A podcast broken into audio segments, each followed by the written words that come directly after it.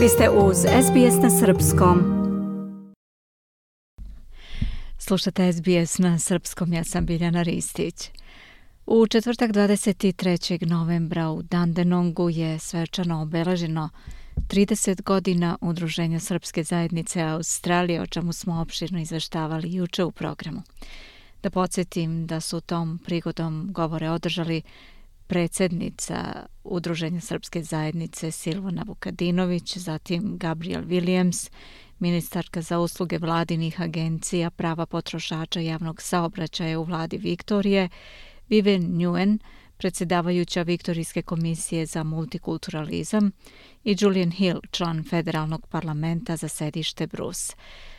I također Lana Janković-Formoso, novoizabrana gradonačelnica gradske opštine Dandenon, koja je dala i intervju za SBS na srpskom.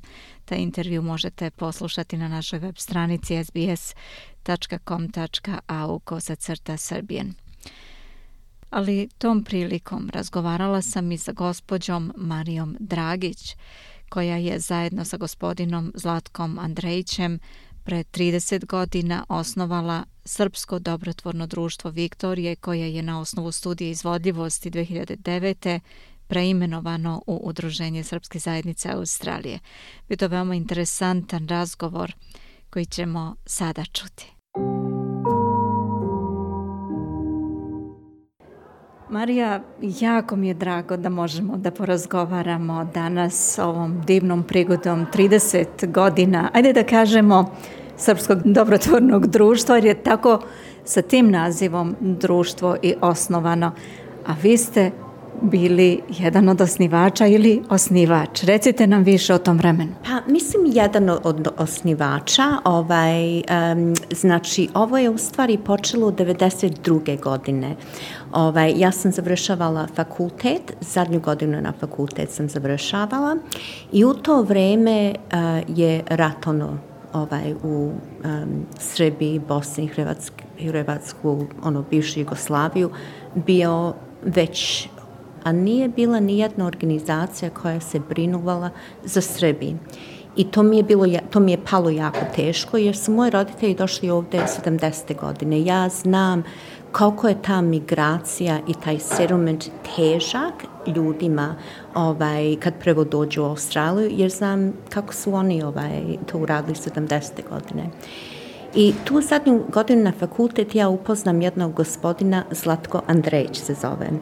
I Zlatko je bio jedan najinteligentan osoba koju sam ikad upoznala. On je bio ovaj um, uh, pisac, pisao je poetry, knjige, radio je za federal government, znači čovjek je stvarno imao je isto jako veliko interesovanje u sociologiju naroda, ovaj, ono politiku i sve to.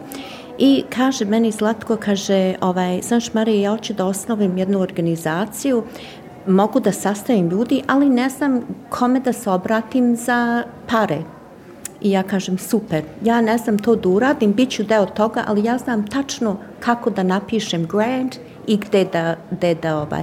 I tako od nas dvoje smo to počeli, ja napisala, on sastavio nekako ljudi za, bo, za ono board of directors i mi smo krajem 92. početom 93. dobili pismo ovaj što, je, što nam je kazalo congratulations, bili ste uspešni, dobili ste grant za socijalnog radnika. I tu smo mi počeli.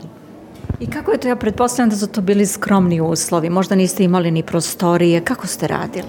Mi ništa nismo imali. Evo, mi sedimo ovde sa, sada u jed, jedno prazno odelenje i ovaj, mi kad smo dobili to, to je bilo prvo um, za socijalnog radnika, znači ja sam iz fakulteta ušla u, i naravno i stavila za posao.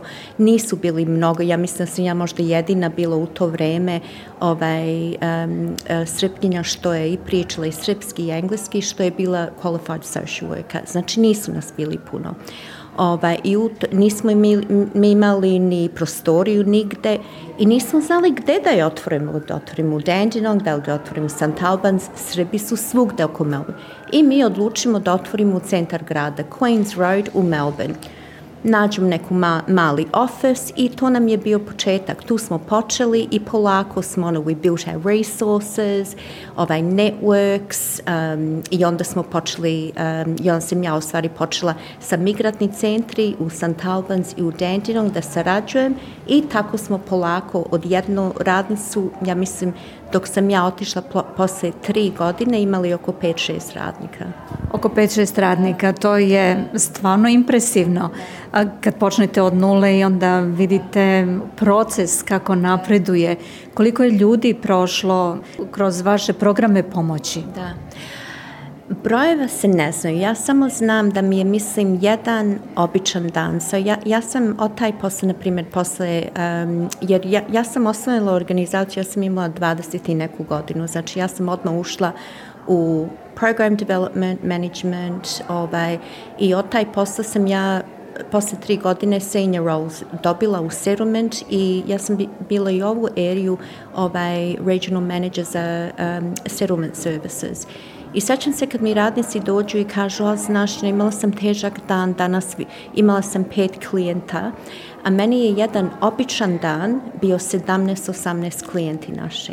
Znači, to je bilo svaki dan ovaj, i neki dan i grupe i sve to. So, mi smo mi smo po stotine i stotine ljudi.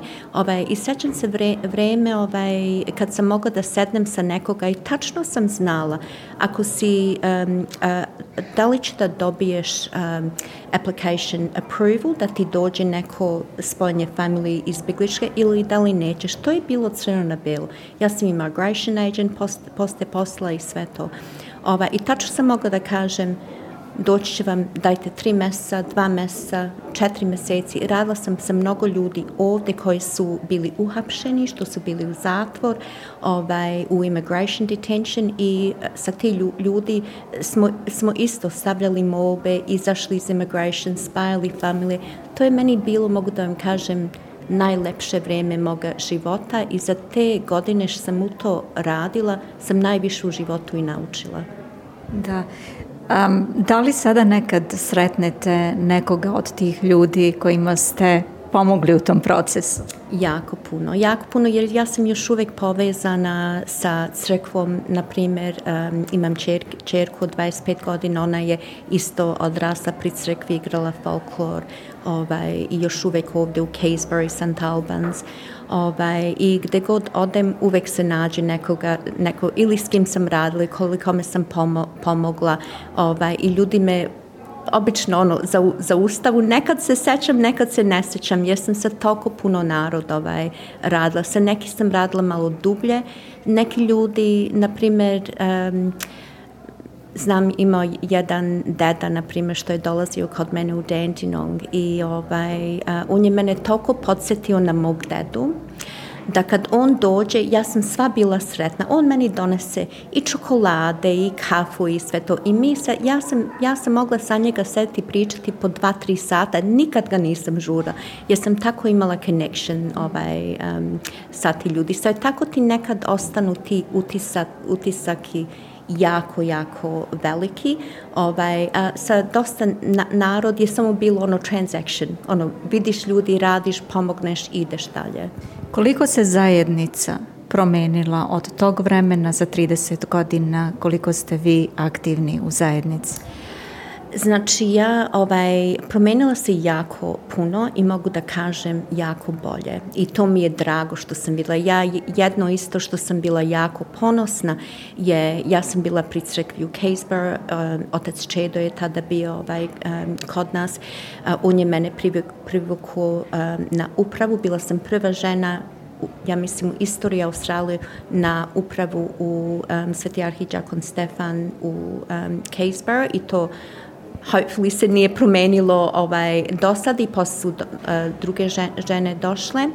Ovaj, sada vidim da dosta mlađi um, uh, iskusni intel, intelektualci um, ljudi to rade i vode i grade i ja samo mi je drago, sad sam u nedelju išla u crkvu kod mene u, um, u Caseborough, koja je to lepota i koja je to koja je ta, ja se u tu crkvu udala i dete krstila, ali um, koja ta crkva sad ima dušu i lepotu, to je, ono, baš sam ponosna o tome. Vi ste još aktivni, odnosno ovde u, da kažemo, Srpskom dobrotvornom društvu, zato što ste ga vi tako naslovili. Kako vam je pala odluka da se promeni naziv? Ovaj, pa znate šta, um, kad smo mi počeli, Zlatko i, i ja, kad smo počeli to, to je stvarno bila welfare organizacija. To je bila da pomognemo najviše onima što je trebao pomoć u to, u to vreme. I pre nekoliko godine smo videli da, da uh, trebamo da budemo aktivni ne samo u welfare, nego u advocacy, da promojišemo našu organizaciju i sve to. Tako da smo teli malo više da se promojišemo oko celu Australiju, a ne samo u, um, u Melbourne ili u Dandenong i St. Albans, tako da smo tada odlučili.